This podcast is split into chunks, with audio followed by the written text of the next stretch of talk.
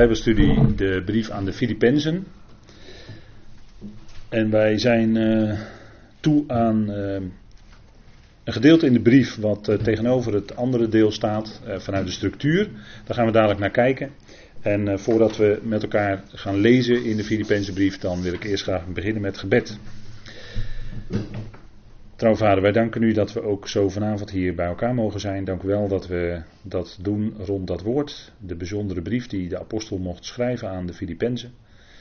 Vader, een brief waar wij na 2000 jaar nog zoveel aan hebben. Omdat het diepe geestelijke waarde bevat. Waarde voor ons hart, waarde voor ons leven, voor onze wandel, voor onze dienst. Dank u wel, Vader, dat u ons dat geeft. Dat we zo mogen zien hoe dat machtige evangelie hoe we dat kunnen toepassen in de praktijk, in ons leven, Vader. Dank u wel dat u ons dat geeft en dat u in ons werkt door uw geest. Ook zo deze avond, Heer, wil ons vullen met die woorden van u. Geef ons goede gedachten, leid u in het spreken. Geef ons een open hart, dat we kunnen horen met ons hart, Vader.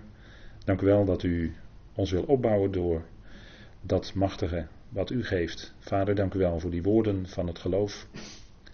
Die woorden van de ideale, het ideale onderwijs wat de apostel mocht geven.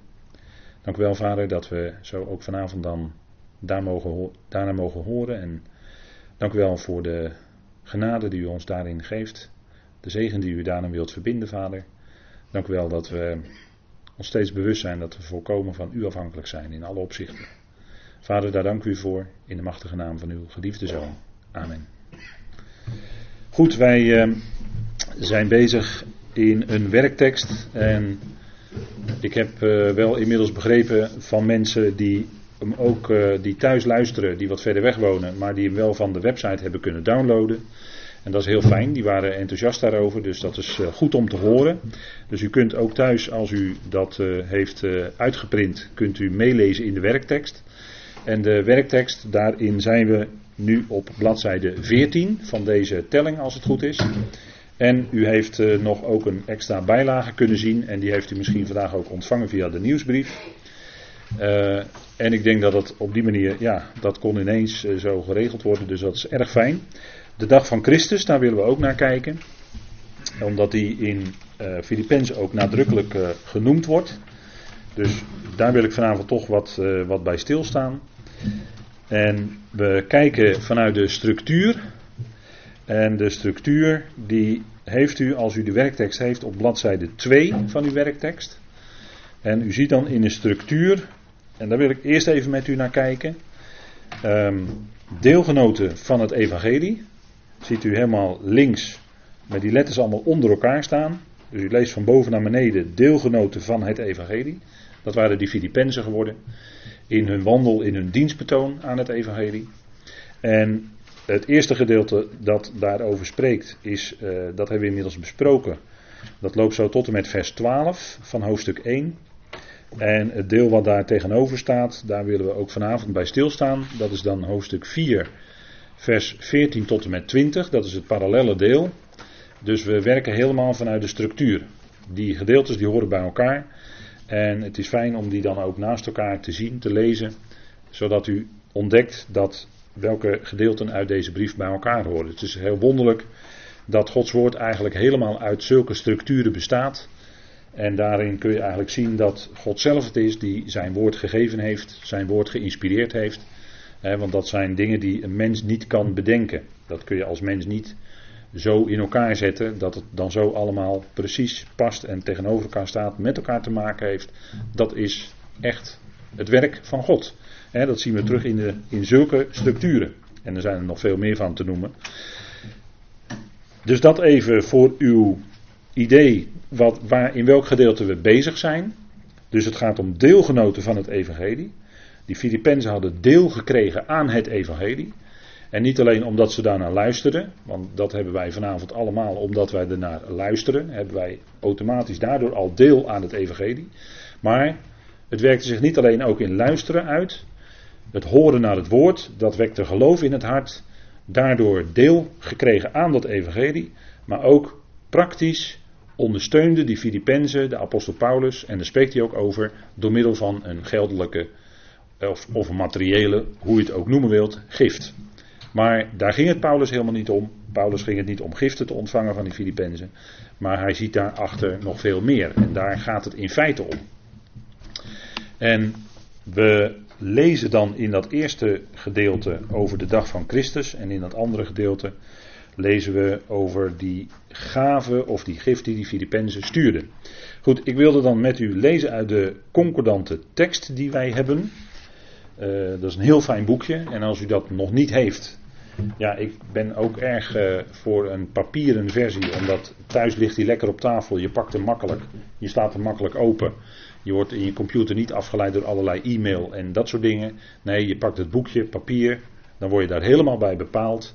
Daar kun je heel fijn in lezen. Dus ik vind dat zelf een bijzonder fijne uitgave. Zes brieven van Paulus en daarin vinden we ook de Filippenzen.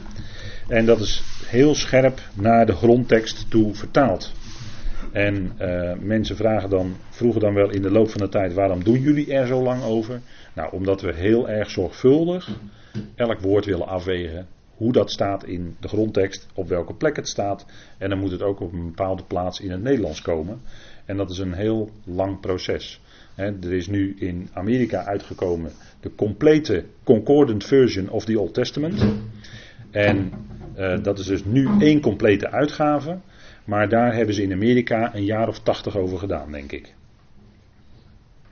Dus daarmee wil ik zeggen, ook daar is een heel zorgvuldig proces geweest om iedere keer weer dat Hebreeuws te vertalen naar het Engels. En als het dan al klaar lag, dan ging men er nog een keer doorheen om wijze van zorgvuldigheid. En dan waren er nog allerlei correcties. En zo is dat hele proces, heeft lang geduurd, maar nu ligt er ook een enorm fijn stuk werk wat God mogelijk heeft gemaakt. Want uh, ja, dat is altijd, God heeft het gegeven. Nou, dat is hier ook zo mee, met die Concordant Version. En uh, als u Engels kunt lezen, dan uh, raad ik hem u toch van harte aan om. Hij is online sowieso te bemachtigen, maar er bestaat ook een papieren versie van. Dus het is maar dat u het weet. Hè? Want de concordante methode is een geweldige methode die heel veel menselijke inleg uitsluit omdat je gedwongen wordt te vertalen, echt vanuit de grondtekst, echt de woorden die er staan. En dan merk je gewoon dat jouw idee bij zo'n tekst, dat moet je vaak bijstellen, omdat de tekst zelf toch iets anders blijkt te zeggen dan je dacht. En daar word je zelf ook steeds op gecorrigeerd. En zo werkt dat, hè? dat is de concordante methode. Dus dat is uh, heel bijzonder hoor, dat, dat, dat we dat mogen hebben. Dus ik lees u voor uit de concordante vertaling. En dan willen we eerst lezen het gedeelte wat vanavond ook aan de orde komt in hoofdstuk 4, vers 14 tot en met 20. Filippenzen 4 en dan lees ik vanaf vers 14. Meer nog, zegt Paulus, jullie handelden uitstekend door met mij deelnemer te zijn in de verdrukking. Ook jullie, nu, Filippenzen, weten dat in het begin van het evangelie, toen ik uit Macedonië kwam, niet één uitgeroepen gemeente met mij deelnam in de rekening van uitgaven en ontvangst dan jullie alleen. Want jullie stuurden mij ook in Thessalonica een en andermaal naar mijn behoeften. Niet dat ik naar de gave zoek, maar ik zoek naar de vrucht, die toeneemt op jullie rekening. Ik heb, ik heb echter alles en ik heb overvloed. Ik ben volledig voorzien nu ik van Epaphroditus jullie bijdragen ontving. Een aangename geur, een welkom offer, welgevallig voor God. Mijn God nu zal iedere behoefte van jullie vervullen in overeenstemming met zijn rijkdom in heerlijkheid in Christus Jezus. Onze God en Vader nu zij de heerlijkheid in de eonen van de eonen. Amen. Tot zover dan dit gedeelte uit Filippenzen, hoofdstuk 4. En we hebben even gekeken al naar de structuur. Daartegenover staat dat eerste gedeelte wat we inmiddels behandeld hebben. Uh, dat is hoofdstuk 1, vers 3 tot en met 12. En in dat gedeelte wordt gesproken over de dag van Jezus Christus en over de dag van Christus. En daarom wilde ik daar toch, omdat het een parallel gedeelte is, wil ik daar toch heel even bij stilstaan. Omdat je daar ook wel vragen over krijgt uh, terechte vragen in de zin van ja, wat, wat is nu het een en wat is nu het ander? Want je leest ook over andere zaken in de schrift. Nou, in Filippenzen 1, vers 3 tot en met 12 lezen we in de, uh, deze vertaling in vers 6. Hiervan overtuigd dat hij die onder jullie een goed werk onderneemt, het voltooien zal tot aan de dag van Jezus Christus. En dan in, dat is vers 6, 1 vers 6 en dan 1 vers 10, zodat jullie toetsen wat belangrijk is, opdat jullie oprecht zijn en niet aanstootgevend tot in de dag van Christus. Nou, dus daar wordt ook die dag van Christus genoemd. Hè? Ietsje anders, de dag van Jezus Christus en de dag van Christus. Nou, daar zit natuurlijk een klein verschilletje in, maar daar willen we dan bij stilstaan. En u heeft de bijlage, als u de bijlage er even bij pakt over de dag van Christus, dan wil ik daar even met u vanavond dan over beginnen. En die dag van Christus, daarvoor kun je zeggen, ja, wat is dat nu? Want ik lees ook van andere dagen in de schrift. En het is allereerst misschien goed om even vast te stellen wat nu eigenlijk volgens de schrift strikt genomen een dag is. Als we kijken in Genesis 1, hè, want misschien bent u wel gewend geworden om te denken dat een dag begint bij zonsondergang en een dag eindigt bij zonsondergang. Uh, zo komt het ook voor in de schrift. Dat is bij het volk Israël met name het geval. Hè. Die vieren de Shabbat van zonsondergang. Dan begint de Shabbat, hè, vrijdagavond, tot zaterdagavond, zonsondergang. En dan is die Shabbat voorbij. Hè. Dus die zeggen die dag begint. Nou, dat is ook zo volgens uh, de inzettingen. Maar als we even teruggaan naar Genesis 1, dan zien we daar over dat daar iets gezegd wordt over de, een dag. En natuurlijk, daar worden zes dagen genoemd. En uiteindelijk dan natuurlijk de zevende, dat is dan weer. De zes dagen is, vormen dan de dagen waarin God het herstelwerk doet in de schepping. En dan staat daar in Genesis 1, in vers 3, laten we even vanaf vers 3 beginnen. En God zei: Laat er licht zijn. En er was licht. En God zag dat het licht goed was. En God maakte scheiding tussen het licht en de duisternis. En God noemde het licht dag en de duisternis noemde hij nacht. Toen was het avond geweest en het was morgen geweest, de eerste dag. En als je dat wat letterlijker zou vertalen, dan staat er eigenlijk, eh, toen kwam de avond en toen kwam de morgen. En de morgen kwam. Hè. Dus steeds dat, in Genesis 1 zie je steeds in dat Hebreeuws en en, en, constant achter elkaar. Er wordt duidelijk iets verteld over hoe dat ging bij het herstelwerk wat God deed in de schepping. Nadat de schepping, nadat er een nederwerping was geweest. we kennen dat als de nederwerping van de wereld, wat plaatsvond tussen Genesis 1 vers 1 en 1 vers 2. En dan vanaf 1 vers 2 lezen we dus over het herstelwerk, de restitutie noemen we dat. dat noemt men ook wel de restitutieleer, de, het onderwijs aangaande het herstel wat God doet. Nou, dat is heel duidelijk. God doet een herstel in zijn schepping na de nederwerping. En dan, en dan worden er diverse dagen genoemd. En dan staat er dus in vers 5: God noemde het licht dag en de duisternis noemde hij nacht. Dus een dag, hè, God noemt het licht dag. Dus op het moment dat het licht wordt, dan begint de dag. Dat is de conclusie die je daaraan kunt verbinden. Dus een dag begint dan bij zonsopgang. Het licht, dat is de dag. En de duisternis noemt die nacht. En als je nou wil kijken, wij wilden dan graag denken in 24 uur, maar zo denkt de schrift eigenlijk niet. En daarmee wil ik niets uh, zeggen over dat die, dat die dagen van Genesis dan misschien langer zouden duren dan 24 uur. Daar wil ik helemaal niks over zeggen. Daar gaat het ook helemaal niet over. Maar uh, het punt is dat God het licht dag noemt. Dus de dag heeft alles te maken, hè, en het woord dag dat kennen we nog steeds natuurlijk heel goed in het Nederlands. Het woord dag heeft alles te maken met licht. Dus als, de, als de zon opgaat, begint de dag. Dat is eigenlijk de conclusie die je eraan kunt verbinden. Hè. Dus, dus daarmee zou je kunnen zeggen dat een Bijbelse dag van vanuit Genesis 1 begint bij zonsopgang en die eindigt ook bij zonsopgang, want er staat dat ehm, het werd avond en het werd morgen. En dan staat er eigenlijk niet de eerste dag, maar dan staat er dag 1. En daarna komen wel de telwoorden, de tweede dag, de derde dag enzovoort in te Hebreeuws. Maar dan staat eigenlijk dag 1. En die, hè, dat begint dus met licht. De zon gaat op, als het ware. Ja, hier is nog geen sprake van zon. U kunt er heel kritisch op zijn, op mij. U kunt zeggen, ja, hier was nog geen sprake van zon. Dat komt pas later, dat weet ik. Maar het licht is dag. Hè? Dus als het licht wordt, begint de dag. En die duurt dan tot de volgende ochtend dat het weer licht wordt. Hè? Dan begint de volgende dag. En er staat dan ook, het werd avond en het werd morgen dag 1. En dan begint dag 2. Als het morgen wordt, begint dus de tweede dag. Ja? Ik hoop dat u me een beetje kunt volgen. En misschien is dat wel wat anders dan u altijd heeft gedacht van, ja, hoe zit dat nou in de schrift hè, met zo'n dag? En natuurlijk eh, begint men in Israël de Shabbat bij zonsondergang en het duurt dan tot zonsondergang. Oké, maar dat laat ik nu even liggen. Het gaat nu even om het facet van de dag, omdat we spreken over de dag van Christus.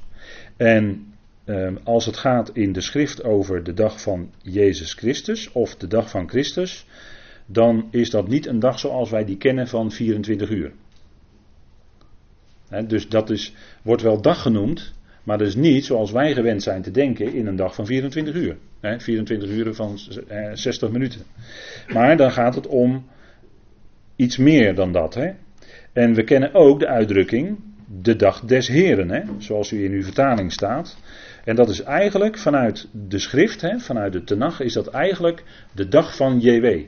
Die wordt heel vaak genoemd in uh, de Hebreeuwse schrift de dag van JW. Nou, JW is Yahweh, wordt ook wel gezegd. Ik ben. Hij die was, die is en die komt. dat zit allemaal in de naam van God. Dus men zegt ook wel dat is een tijdnaam. Hij die was, hij die is en die komt. En die naam wordt bijvoorbeeld ook in het boek Openbaring helemaal uitgelegd. Daar kom je dat ook tegen. En op een gegeven moment wordt dan dat komt weggelaten, want omdat de Heer dan gekomen is. Dan wordt er nou alleen gesproken over hij die was en die is. En dan wordt er niet gezegd hij komt, want dan is hij gekomen. In openbaring wordt daar beschreven. Heeft Johannes gezien. Dan wordt het komt weggelaten. Dat is heel passend in de tekst. Nou, dat is een heel belangrijk punt. Want in openbaring zie je dus dat binnen een bepaald tekstverband wordt dus die naam zelfs anders uh, uitgeschreven. Die wordt korter uitgeschreven, maar dat heeft met het tekstverband te maken. En zo ligt dat ook eigenlijk met die dagen waarover wij lezen in de schrift. Nou, wij lezen over de dag van JW, hè, de dag des Heren. En daarvan weten wij, dat veronderstel ik toch wel wat bij u bekend. Daarvan weten wij dat die ingeleid wordt met gerichten, waarover wij lezen in het boek Openbaring. En waar bijvoorbeeld ook heel erg veel te maken heeft de 70ste jaarweek van Daniel, hè, uit Daniel 9 dat is zeg maar de inleiding tot de dag des Heren. Als je dat bestudeert, dan lees je ook dat er gerichten plaatsvinden bij de komst van de dag des Heren. Dus als die bezig is te komen, zijn daar gerichten. En daarna krijg je nog de periode van duizend jaren. Maar dat hoort ook bij die dag des Heren. De dag des Heren kun je dus niet versmallen tot alleen een periode van gerichten. Maar de dag des Heren omvat meer, namelijk ook die duizend jaar die daarna volgen. En uh, nou, dat gaat dan over in de dag van God, hè, uiteindelijk. Zo schrijft uh, Petrus daarover. Dus de dag des Heren, de dag van de Heer, uh, die wordt bijvoorbeeld genoemd door de apostel Paulus in 1 Thessalonicense 5. En dat was voor die Thessalonicense natuurlijk belangrijk. Paulus onthult natuurlijk in 1 Thessalonicense 4 dat bijzondere gebeuren van de bazuin van God. En dat onthult hij eerst en daarna in het vijfde hoofdstuk gaat hij dan spreken over de dag des Heren. En laten we dat even met elkaar opzoeken, want dat is, is wel een bekende tekst, maar het is altijd goed om even erbij te pakken en te lezen. En dat is ook als je met elkaar in gesprek bent, dan kun je dat eigenlijk niet beter doen over de schrift, want dan ga je uit je hoofd spreken over dingen die er staan en dan ben je misschien net niet accuraat en gaat het gesprek ja, in een bepaalde richting, omdat je net niet accuraat bent. Maar als je dan de Bijbel erbij pakt en de schrift opent met elkaar en leest wat er staat, dan kom je wat verder met elkaar, denk ik. Maar 1 Thessalonicense 5, daar staat, wat de tijden en gelegenheden betreft, broeders, is het voor jullie niet nodig dat men jullie schrijft. Want jullie weten zelf heel goed dat de dag van de Heer komt als een dief in de nacht. Paulus had met hen daarover gesproken. Over de dingen aangaande de toekomst vanuit de nacht. En dat kun je ook uit de tweede Thessalonicense brief heel duidelijk teruglezen. Dat hij daar nadrukkelijk met hen aan de hand van de profetie, ook Daniel, over gesproken heeft. En daarom zegt hij ook tegen de Thessalonicense: Jullie weten zelf heel goed dat de dag van de Heer komt als een dief in de nacht. En daarin, dat is dus niet het moment, hè, de komst van de dag van de Heer, is dus niet het moment dat die bazuin klinkt. Dat gaat eraan vooraf. En ik denk dat het natuurlijk niet toevallig is dat hier hoofdstuk 4, die bazuin, staat voor het gedeelte waarin Paulus gaat spreken over de dag des Heren. Ik denk dat het niet toevallig is. Die bazuin die klinkt en daarna gaan de gerichten komen waarmee de dag des Heren ingeluid wordt. Waar heel openbaring eigenlijk over spreekt. Dus hij spreekt daar in Thessalonicense dat die dag van de Heer, daar spreekt hij over de dag van de Heer. En dat is die dag die in Tenach was aangekondigd door de profeten. Hè, leest u maar in Zephania, leest u maar in Jezaja 13, leest u maar. Zijn talloze schriftplaatsen. U kunt dat zo tegenwoordig op internet heel snel terugvinden met de concordantie. En hij komt als een dief in de nacht. Hè, dat is het onverwachte toch van zijn terugkeer. En dan staat er, want wanneer zij zullen zeggen er is vrede en veiligheid, dan zal een onverwacht verderf hen overkomen. Hè, dus een plotselinge ineenstorting zoals de barensweeën en zwangere, en zij zullen het beslist niet ontvluchten. Maar jullie broeders zijn niet in de duisternis, zodat die dag jullie als een dief zou overvallen. Daarmee zegt Paulus niet dat die broeders van Thessalonica die dag des Heren op aarde zouden meemaken. Dat bedoelt hij niet. Hij zegt, eh, stel dat het zou komen, ik heb jullie geïnformeerd, dan, eh, zodat jullie weten dat die dag des Heren eh, niet kan komen. Nee, eerst zal die bazuin klinken en pas daarna zullen die gerichten komen. Maar ze waren zo goed geïnformeerd door Paulus dat ze het zouden weten. Stel dat ze zouden meemaken, zouden ze het weten. Ze maken er niet mee, want de bazuin gaat vooraf. Dus, want hij zegt, jullie zijn niet in duisternis, zodat die dag jullie als een dief zou overvallen.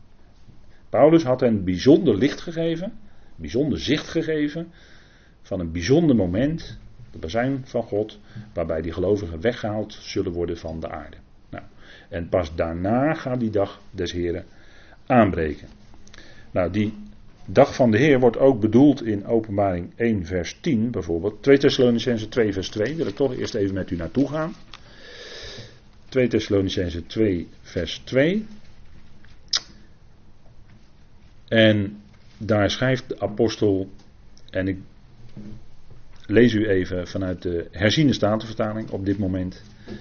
En wij vragen u dringend, broeders, met betrekking tot de komst, dat is de aanwezigheid, hè, de parousia, de komst van onze Heer Jezus Christus en onze vereniging met Hem, en onze opzameling, hè, episynagoge, ja, we waren gisteravond nog mee bezig met de vertaalgroep. Hè, onze episynagoge staat er dan, hè, onze opzameling op, eigenlijk staat er letterlijk. Ehm, hem. Hè? Onze opzameling bij, of eh, letterlijk staat er dan op hem. Dus dat wil zeggen, dat twee keer op duidt wel degelijk op dat het van de aarde naar boven is. Dat jullie niet snel aan het wankelen worden gebracht of verschrikt, niet door een uiting van een geest, niet door een woord en ook niet door een brief die van ons, alsof die van ons afkomstig zou zijn, alsof de dag van de Heer al aangebroken zou zijn. In mijn vertaling staat de dag van Christus, dat is niet correct. Het is de dag van de Heer. Alsof de dag van de Heer al aangebroken zou zijn. Nou, dat was niet het geval. Die Thessalonicensen die waren in onrust. Ze stonden onder grote druk. Ze ondergingen grote verdrukkingen. Ze dachten daardoor dat die dag des Heren al begonnen was. En dat ze daarmee dus de bazuin misschien wel hadden gemist. Zo verschrikt en verontrust waren ze. Maar Paulus zegt, Laat niemand, in vers 3, jullie op enige wijze misleiden. Ze moesten zich houden aan wat Paulus hen had overgeleverd. In die eerste brief die hij hun geschreven had. Doen ze het niet, ja, dan kun je in onrust komen. Dan kan je in schrik komen. Want Dat hoeft niet, want je weet dat die bazuin vooraf zal gaan aan de gerichten waarmee de dag des Heeren begint. Dan weet je dat de Heer precies op tijd ons gaat wegnemen, hè, krachtig gaat wegrissen van de aarde hè, bij die bazuin. En dus we hoeven niet verontrust te zijn, wat er ook gebeurt, we hoeven niet verontrust te zijn alsof die dag des Heren al zou beginnen. Wat wij ook hier op aarde nog zouden meemaken eventueel. Maar laat u dat niet verontrusten, want eerst moet die bazuin van God klinken en pas daarna zullen de gerichten van openbaring echt gaan beginnen. Dat is, dat is de Bijbelse volgorde. En uh, daarom is het ook het goed onderscheid maken. Kijk, die dag des Heren, dat is echt die dag die door de profeten in, in nacht beloofd was. En, en dat moet ons goed voor ogen staan. En daar spreekt de schrift dan ook, het Griekse deel van de schrift, spreekt daar ook nadrukkelijk over. Nou, openbaring 1 vers 10 wil ik u dan even ook noemen.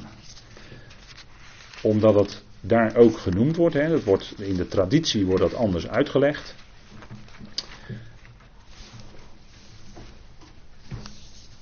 En zelfs bij, uh, uh, je hebt tegenwoordig ook de Bijbel in gewone taal. Hè? En daar heeft, men, uh, daar heeft een theoloog uitleg op gegeven. Nou, sorry, maar ik kon, ik kon me helaas niet volgen en ik was het niet met hem eens. Want hij wilde er toch naartoe vanuit de traditie dat die dag van de Heer hier in openbaring 1 vers 10 dat het dan de zondag is. Maar dat, dat, dat blijkt nergens uit. Het blijkt niet uit de tekst. Johannes schrijft dan in Openbaring 1, vers 10: Ik was in de geest op de dag des Heren, op de dag van de Heer, en ik hoorde mij, ik hoorde achter mij een luide stem als van een bazuin. Dus hij werd verplaatst in de geest. Hè. Hij kreeg dingen te zien die zich zouden afspelen in die dag van de Heer. En dat kan alleen maar de profetische dag van de Heer zijn zoals die in nacht was aangekondigd. Dat, daarbij knoopt Johannes in feite aan. Hè? En als je dat weet, je moet eerst die lijntjes kennen vanuit nacht en dan ga je openbaring ook veel beter verstaan. Dat het allemaal uitlopers zijn van de lijnen die er al lagen in de schrift. En in openbaring wordt dus het plaatje compleet. Sorry voor het woord plaatje misschien, maar dan wordt het compleet, dan wordt het helemaal duidelijk. Dan wordt hij onthuld, hè, hij die laat zien dat JW redder is. Hij wordt onthuld in het boek Openbaring. En dan gaat ook die dag, want het is uiteindelijk ook zijn dag, hè, de dag van onze Heer, gaat zich dan afspelen. Dat betekent eerst gericht en daarna de duizend jaar. Nou, dat is de dag van de Heer en die wordt dus ook diverse keren genoemd in de Griekse schrift. Dan de dag van Christus, wat we gelezen hebben, dat is specifiek genoemd in de brieven van Paulus. En ik heb u in de bijlage uh, zo onder elkaar gezet een aantal tekstplaatsen. En er zijn misschien nog wel wat meer tekstplaatsen waar ook gesproken wordt over die dag, hè, waarin dan ook eigenlijk verwezen wordt naar de dag van Christus. En dan spreekt de apostel dus steeds over een toekomstige dag. En de dag des Heren is natuurlijk niet één dag van 24 uur, dat heeft u nu gezien, hè, dat is uh, al lange tijd. Maar het is wel dag. Waarom? Dan is het licht. Dan komt hij en dan gaat dus het licht aan in deze wereld. Hij is het licht van de wereld. Als hij komt, dan gaat het licht aan. En daarom wordt hij ook dag genoemd, want ja, licht, dag heeft te maken met licht, licht heeft te maken met de dag. Dat is nou eenmaal zo in de schrift. Dus als je dag leest, dan weet je ook dat heeft te maken met licht. dat, dat is een duidelijke zaak, denk ik. En als hij het licht is, als hij komt, ja, dan wordt het dus echt dag in deze wereld. En dan is de nacht voorbij de, dus de, de, nacht komt. Ehm, waarin niemand meer nog kan werken. maar als, als die nacht het meest donker is, dan weten we ook dat, die, dat het gloren van die dag, dat het eraan zit te komen. Dan is het bijna dag. Hè? Maar dan is die nacht nog net even heel erg donker, heel erg duister. Maar dan is het ochtendgloren wel heel dichtbij. Dan komt, gaat het licht gaat komen. Nou, dat gaat ook komen. Nou, de dag van Jezus Christus, hè, de Filippenzen, Paulus wijst de Filippenzen daarop, de dag van Jezus Christus. Dat is de dag waar die gelovigen, waar wij als gelovigen ook naar uitkijken. De dag van Christus wordt hij ook genoemd. In dat tiende vers hebben we ook met elkaar gelezen. De dag van Christus. Ook in hoofdstuk 2 trouwens. Vers 14 eh, tot en met 16 van Filippenzen. Daar lezen we ook over de dag van Christus. Um, als we het even met elkaar opzoeken in Filippenzen 2. En het is een bijzonder fijne brief, want ja, je merkt eigenlijk in elke tekst die je leest dat het helemaal gaat over onze praktijk, hè, over ons gedrag. Dus daar worden we door de Heer dan op aangesproken. En uh, ja, dat is wat de Heer doet natuurlijk. En er staat in vers 14: Doet alles zonder gemor en doorredeneringen, opdat jullie onberispelijk en zonder arglist kinderen van God worden, smetteloos, te midden van een krom en verdraaid geslacht, waaronder jullie schijnen als lichtbronnen in de wereld, op het woord van het leven achtslaand, mij tot roem in de dag van Christus, dat ik niet te vergeefs liep, noch mij te vergeefs inspande. Dus Paulus verwijst hier ook hè, eh, niet alleen eh, het dienstbetoon van de gelovigen, van alle gelovigen, van alle heiligen. Geldt ook voor ons, hè, dit wat hier staat. Geldt natuurlijk net zo goed voor ons. Maar ook zijn eigen dienstbetoon, dat Paulus zelf mocht doen. Ook daarmee verwijst hij naar de dag van Christus. Hè. Dat is toch een bijzonder, bijzonder moment voor ons, als die dag eenmaal aangebroken is. Dus de dag van Christus noemt hij hier heel duidelijk. Hè. Dus ons gedrag, onze wandel, onze dienst, die speelt zich af in ons dagelijks leven. want Paulus zegt in deze verse dat jullie onberispelijk en zonder arglis van God worden. Doet alles zonder gemor of doorredeneringen. Dat is niet alleen uh, de dingen die we gezamenlijk doen in de gemeente, als we als gemeente bij elkaar komen, als gemeenteleden, maar het omvat ons hele levenswandel, ons hele leven. He, dus ook als je bezig bent op je werk, op school, thuis of waar dan ook, doet alles zonder gemor en doorredeneringen. En onder gelovigen, als je zo de kerkgeschiedenis eens even doorloopt en, door, en je gedachten erover laat gaan, nou, eh, alleen al tussen gelovigen onderling was er al sprake van heel wat gemor en doorredeneringen. Dat kan ik u wel vertellen. Heel veel splitsingen zijn er geweest enzovoort. Kijk maar in de gemeente van Korinthe bijvoorbeeld. Maar Paulus die geeft aan voor ons gedrag, doet alles zonder gemor en doorredeneringen. Waarom? Nou, omdat je dat licht kan laten zien, dat je een, eh, hè, hij is je vader, we zijn zijn kinderen, dat je dat licht kan laten zien in deze wereld. Hè. Lichtbron, een lichtbron. Je bent anders, je stelt je anders op dan de anderen. Hè, waar anderen zich misschien verzetten of anders willen, uh, is het voor ons allereerst ja, leren gaandeweg een stukje onderschikking. Onderschikking aan diegenen die boven je gesteld zijn. Datgene wat boven je gesteld is, hoe moet ik het zeggen? Maar dat is, dat is een punt. En als, het, als er sprake is van gemor, doorredeneringen, kun je je afvragen, ben ik dan nog bezig met onderschikking? Of wil ik toch anders dan de gang van zaken is? En waaraan je dan niet kan onttrekken. Waarin je ja, toch uh, mee moet. En ja, dat is voor ons als gelovigen. Hè, Paulus wijst daarop. Hè, opdat jullie smetteloos worden te midden van een krom en verdraaid geslacht. En we kunnen natuurlijk heel makkelijk zeggen als we om ons heen kijken, nu. Ja, Paulus heeft wel gelijk. Het was in zijn dagen al zo. En in onze dagen is het nog steeds zo. Maar die tekst slaat natuurlijk wel op onszelf terug. Hè? Je kan natuurlijk heel makkelijk met die vinger wijzen naar buiten, naar mensen die buiten zich op een bepaalde manier opstellen. Maar ja, hoe stel je dan jezelf op? Te midden van al dat wat, wat gaande is, wat gebeurt. Hè? Je kan makkelijk natuurlijk naar, naar een andere wijze. Maar Paulus spreekt ons aan. Hè? De Heer spreekt ons door deze brief aan. Dat jullie onberispelijk en zonder arglist kinderen van God worden. Smetteloos te midden van een krom en verdraaid geslacht. Waaronder jullie schijnen als lichtbronnen in de wereld. Dat valt dus op. Dat je anders je anders opstelt dan de anderen, dat valt op. Dat je anders praat dan de anderen, valt waarschijnlijk ook op. want als iets van binnen bij je veranderd is, in je hart, als het woord in je hart is gekomen, je van binnen veranderd bent, dan blijkt dat eigenlijk allereerst hoe? Nou, door de dingen die we zeggen. En de dingen die we dan misschien niet meer zeggen.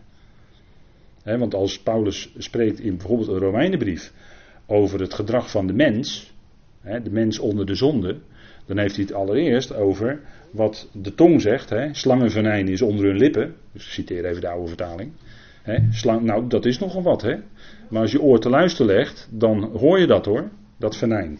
Regelmatig. Dat komt dus door die tong naar buiten toe. En dat zit dus van binnen en dat komt naar buiten. Dat is het eerste wat Paulus noemt. En daarna noemt hij ook de handen en de voeten, dat het daar ook uit blijkt. Maar allereerst die tong, die mond, die keel. Daar komt, hè, door de woorden die je zegt. En je kan met woorden, kan je mensen, ja, daar, daar kan je zoveel schade mee aanrichten. Maar je kan ook juist heel bemoedigend zijn voor mensen. En hoe is je nou jouw toonzetting? Hè, welke woorden? Daar kan al, te midden van de situatie waarin je bent elke dag, kun jij al anders zijn. Alleen al door de woorden die je niet, niet spreekt, niet meegaat in. En dat zijn, dat zijn, denk ik, de. U zegt ja, het is wel eenvoudig. Ja, maar nu in die situatie waar je bent, als je alleen op die plek bent, dan, hè, dan is het wel anders dan dat je hè, eh, bij elkaar bent als gelovigen. Nou, waaronder jullie schijnen als lichtbronnen in de wereld. Op het woord van het leven achtslaand. En dan gaat hij toe naar die dag van Christus. Nou, dat is die dag die voor ons nog toekomstig is. En wanneer begint die dag nou voor ons? Nou, eigenlijk heb ik dat al genoemd vanavond. Dat begint bij 1 Thessalonicense 4. Op het moment dat wij weggenomen worden van deze aarde, begint voor ons de dag van Christus. En wij zijn dan niet op aarde. Kijk, die dag des Heren, al die gerichten, dat gaat zich afspelen op aarde. Maar voor ons begint al eerder de dag van Christus. dan komen we in zijn licht, dag, dan komen we in zijn licht. En het eerste wat wij dan mee gaan maken is de Bema. Is dat erepodium. En dat is natuurlijk de reden waarom Paulus daar in Filippenzen ook nadrukkelijk over spreekt. Over die dag van Christus, want die gaat beginnen ook met een vorm van richten, hè, een vorm van richten, het lichaam van Christus. Dat is, en bij het woord richten moet u niet direct denken aan veroordelen, want dat woord gebruik ik dus niet. Nee, het is richten. We worden met z'n allen gericht op Hem. En we worden ook gericht door Hem. Maar dat gericht moet u zien als iets wat heel uh, wezenlijk is, wat moet gebeuren en wat een geweldige uitwerking zal hebben. En met het oog op dat wat daar gaat gebeuren, hè, daarin zet, de apostel eigenlijk steeds onze wandel en onze dienst. Hè. Want dat heeft wel degelijk heel veel met elkaar te maken. Wat daar bij die Bema gaat gebeuren en onze wandel en dienstbetoon nu. Want dat gaat daar, uh, ja hoe moet ik dat zeggen, toch in zekere zin beoordeeld worden. En dat gebeurt dus voor ons in de dag van Christus. En als we kijken bijvoorbeeld in Efeze 4, we gaan het niet opzoeken, maar u ziet dat op uw bijlage staan, die tekst. Efeze 4, vers 30. Die dag van Christus is, wordt ook daar dan genoemd de dag van onze vrijkoping. Dat houdt ook in de vrijkoping van ons lichaam op dat moment. Dat is weer een ander aspect. Daarom wordt die daar de dag van de vrijkoping genoemd, omdat daar een ander aspect naar voren wordt gehaald door de teksten. En we zien bijvoorbeeld ook in Romeinen 13, vers 11 en 12, hè, die bekende woorden, dat is ook een jaarthema geweest. Uh, de nacht is vergevorderd, de dag is nabij. En als het tegen ons als gelovigen wordt gezegd, is dat voor ons de dag van Christus. Romeinen 13, toch misschien heel even met elkaar lezen. Romeinen 13, ook een uh, bijzonder fijn hoofdstuk en deze bijzonder fijne brief. Romeinen 13,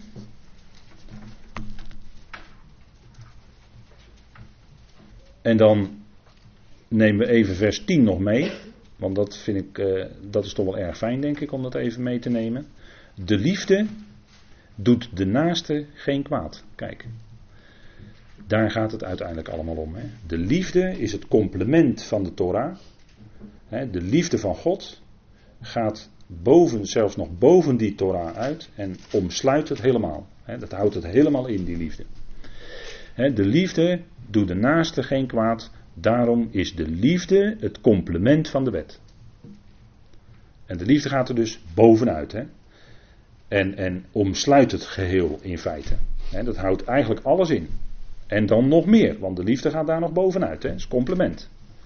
En dat kan alleen doordat Gods geest in ons hart, in ons woont en zijn vrucht zet. Dat is die kracht. Dat kunnen we niet uit onszelf. Maar dat is die kracht die in ons werkt, waardoor wij meer nog kunnen doen dan wat de Torah strikt genomen eist.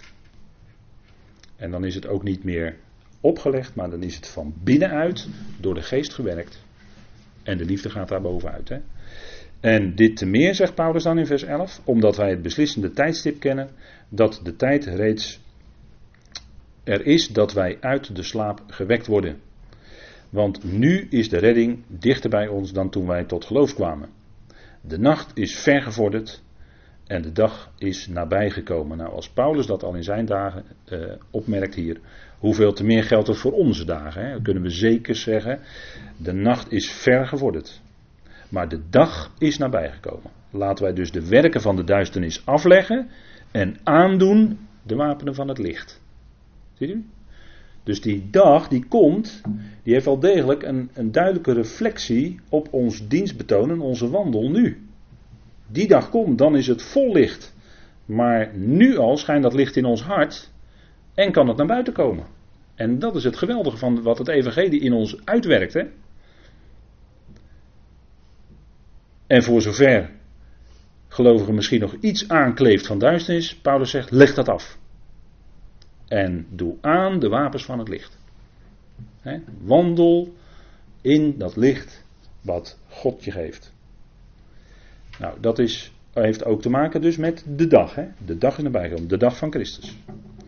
En dan eh, noemt hij nog een aantal teksten. Uh, noemen we nog een aantal teksten. Hè, in Timotheus bijvoorbeeld. Hè, 2 Timotheus 1, vers 12. Hè, en daar wijst hij dan Timotheus ook op die dag. Laten we het ook even met elkaar lezen. Om die reden, zegt Paulus, 2 Timotheus 1, vers 12.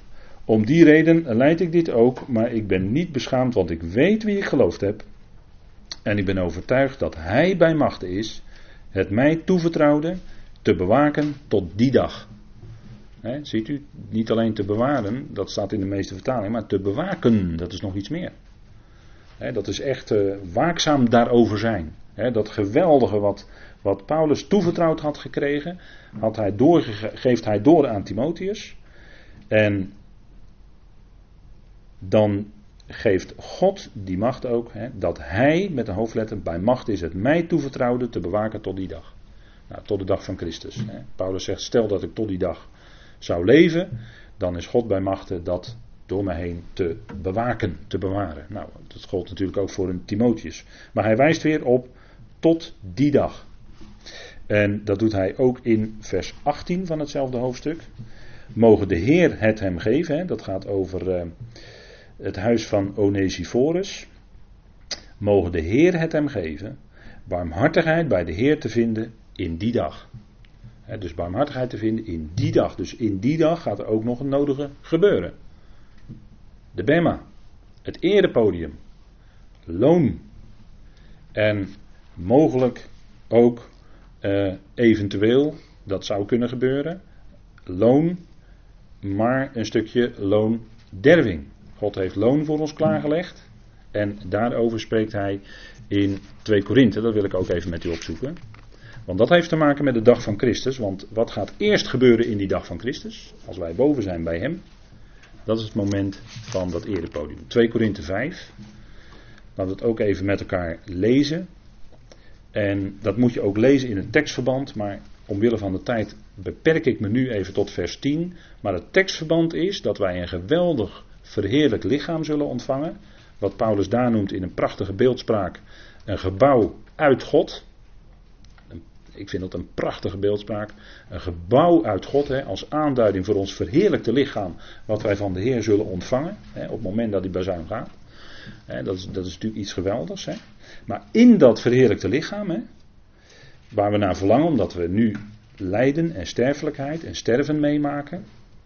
Pijn, verdrukking, benauwdheid. Noemt u alles maar op. Dat maken we nu mee en dan verlangen we naar dat wat de Heer ons gaat geven. En als de Heer ons dat gegeven heeft, dat verheerlijkte lichaam, pas dan zal ook dat richten komen van de bij de Bema, sorry, bij de Bema.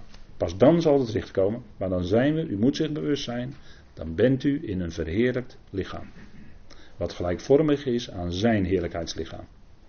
En, en dan zijn we ook in staat om dat wat de Heer gaat doen dan, om dat mee te maken. Omdat we dan in een andere hoedanigheid zijn dan dat we nu zijn. We zijn nu in een aards stervend lichaam wat zwak is. En dan zullen we zijn in een lichaam vol kracht, vol heerlijkheid, licht, eh, vol geest van God.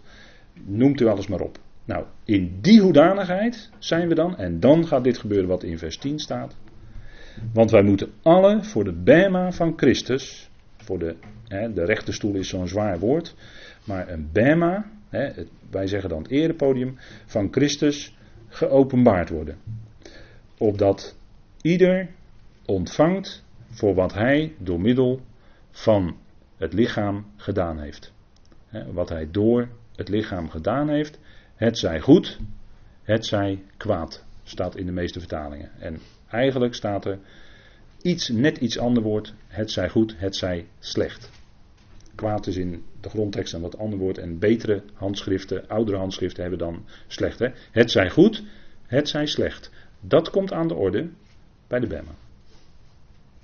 En ik gebruikte daarnet even het woord loonderving. Dat wil zeggen dat je een stukje loon mist, om het zo maar te zeggen. En dat heeft te maken met dat de Heer gaat beoordelen wat wij gedaan hebben. Het zij goed, het zij slecht. En dat is allemaal nodig, nodig om later, na dat hele gebeuren bij de Bema, ingezet te worden door hem voor de hemelse machten en krachten.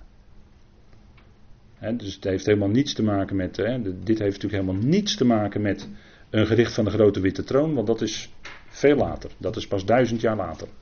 Dit is een moment voor ons in de dag van Christus, de Bema, en dat is iets totaal anders dan de grote witte troon. Ja, daar moet u echt goed onderscheid voor uzelf steeds inhouden. Want dit is een, en toch noem ik dit, ondanks dat we spreken over loonderving, noem ik het toch een genademoment. Waarom? Omdat datgene wat er tussen gelovigen is geweest en wat er eventueel nog tussen zat, dat zal daar ook door de Heer weggenomen worden. En vandaar genade. Dat is een genademoment. Dat is zijn liefde. Dat hij dat daar wegneemt. En dan zullen we het ook kunnen dragen. Waarom? Omdat we dat heerlijkheidslichaam hebben. En dat is misschien moeilijk voor ons om, om, om ja, uh, dat, dat op dit moment uh, ja, te, te bevatten misschien, te, te beseffen. Maar denk over deze dingen na. Hè. Spreek er met de Heer over. En gaandeweg met schrift bezig zijn, gaat je misschien dan wat meer duidelijk worden. Maar besef wel, hè, steeds op een bepaald moment gebeurt iets, maar wat, is dan, wat zijn dan de omstandigheden? Wat zijn dan de omstandigheden? Hoe zijn wij dan? En wat, is, wat doet de Heer dan precies? Nou, dat is denk ik heel belangrijk om daar uh, weet van te hebben. Nou, in dat licht, kijk, Filippenzen spreekt helemaal over onze wandel en over ons dienstbetoon. En het, het principe wat, wat, wat heel duidelijk door Filippenzen naar voren komt, is de gezindheid van Christus Jezus. En die gezindheid is een van ootmoedigheid. Ootmoedigheid. de vertalingen zeggen dan nederigheid. Uh, maar ootmoedigheid, ja, dat, dat zegt echt iets over dat je dus niet hoger wil staan dan de ander. Integendeel. Je stelt je ootmoedig op. Je stelt je onderschikkend op. En uh, en je, je, je kijkt steeds wat bedoelt de Heer, wat wil de Heer. Hè? En dan is het ja, niet wat jij als mens misschien zou willen of zou denken. Of nee, welke kant wil Hij op en welke kant gaat het op. En je daarnaar schikken. Hè? Uw inschikkelijkheid of uw welwillendheid, zegt Paulus ook, zijn alle mensen bekend. Nou, dat is, uh, ja, dat gaat helemaal, dat druist tegen het vlees van de mens in. Absoluut, absoluut. Maar daarvoor hebben we ook die geest ontvangen. Die geest die ons leidt tot onderschikking. Dat kun je niet uit jezelf, want het vlees wil zich niet onderschikken aan God. Wil zich ook niet onderschikken aan het onderricht van God. Maar door de geest gewerkt, hè, dan kun je je wel schikken naar dat wat hij wil. Het grote voorbeeld van Filippenzen is Christus Jezus zelf. Zijn gezindheid, zoals hij op aarde was, in ootmoedigheid, in nederigheid, eh, schikt hij zich helemaal naar de wil van Vader. En ging die weg. Die, ik kan ook zeggen het woord loopbaan. Hij liep die loopbaan die God hem had, voor hem had uitgestippeld. hij, hij, ging op weg in die loopbaan. En, en dat is bij ons eigenlijk ook zo. als we tot geloof gekomen zijn, dan eh, is het niet zo dat je over de finish bent. Nee, dan ben je net over de startlijn. Als je voor het eerst echt tot, bewust tot geloof bent gekomen, eh, dan sta je eigenlijk aan de start. En dan volgt daar een loopbaan in dienstbetoon. En dat is voor de een dit en voor de ander dat. En dat is eigenlijk, hè, beslaat eigenlijk gewoon het hele leven waar je in bent. Dat is je dienstbetoon. Dus dan kun je in de situatie waarin je bent, in je werksituatie, op school, thuis, in wiens dienst ben je dan? Eigenlijk in dienst van Hem met een hoofdletter. Dat is de loopbaan dan die Hij voor ons heeft uitgestippeld. En dat je dan daarbij ook, als we als gelovigen samenkomen, een stukje dienstbetoon vervult, ja, dat hoort daar dan ook bij. Dat houdt dat ook in. Maar beslaat het hele leven. Zo spreekt Paulus er steeds over. Hè? Kijk maar in Filippenzen en Colossense. Daar heeft hij het gewoon over het werk, maar ook over het gezinsleven, over alle aspecten. En dat valt allemaal onder dat dienstbetoon. En um, daarom kijken we naar die dag, hè, die dag van Christus. En om even nog, we gaan zo pauzeren, maar we gaan nog heel even om dat, heel even dat punt af te ronden. Um, die dag van Christus, die loopt in feite voor ons uh, gelijk, zou je kunnen zeggen, als het om tijd gaat, loopt die gelijk met de dag des Heren. Alleen de dag des Heren is alles wat zich op de aarde afspeelt. En de dag van Christus is wat, wat dat slaat meer op wat zich boven afspeelt, voor ons te midden van de hemelse. En uh, ja, dan zegt u ja, de dag van Jezus Christus, de dag van Christus. Dat zijn nou die fijne verschillen. En als die er zijn, dan moet je eigenlijk kijken naar het tekstverband. De dag van Jezus Christus is zijn naam in zijn vernedering wordt genoemd. En waarom is dat? Dat is omdat in deze brief hij in zijn gezindheid, toen hij ook vernederd was op aarde, in zijn gezindheid wordt hij in deze brief getoond als voorbeeld. Jezus is de naam van zijn vernedering. En dat is ook voor ons eigenlijk de aanwijzing. Zolang wij hier nog op aarde zijn, zullen wij zijn inderdaad in diezelfde situatie. In ootmoedigheid, in vernedering. En straks zullen we als lichaam van Christus iets machtigs mogen doen door Hem te midden van de hemelingen. Maar dat is nog toekomst. Nu is het nog in nederigheid.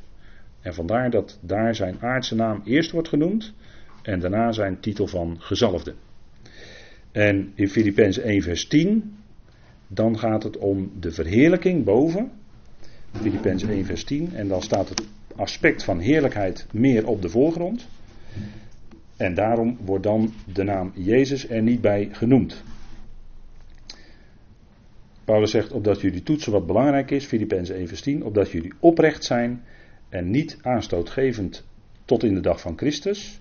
En dan in vers 11 wordt er ook gesproken over tot heerlijkheid en lofprijs van God. Dan staat die heerlijkheid en die lofprijs voorop en vandaar dat dan alleen de dag van Christus wordt genoemd en niet de dag van Jezus Christus. Nou, dat zijn even wat kleine verschillen, maar even voor uw begrip. Ik hoop dat u dat even mee kan nemen. We gaan even pauzeren met elkaar, want het is alweer aardig lang geweest.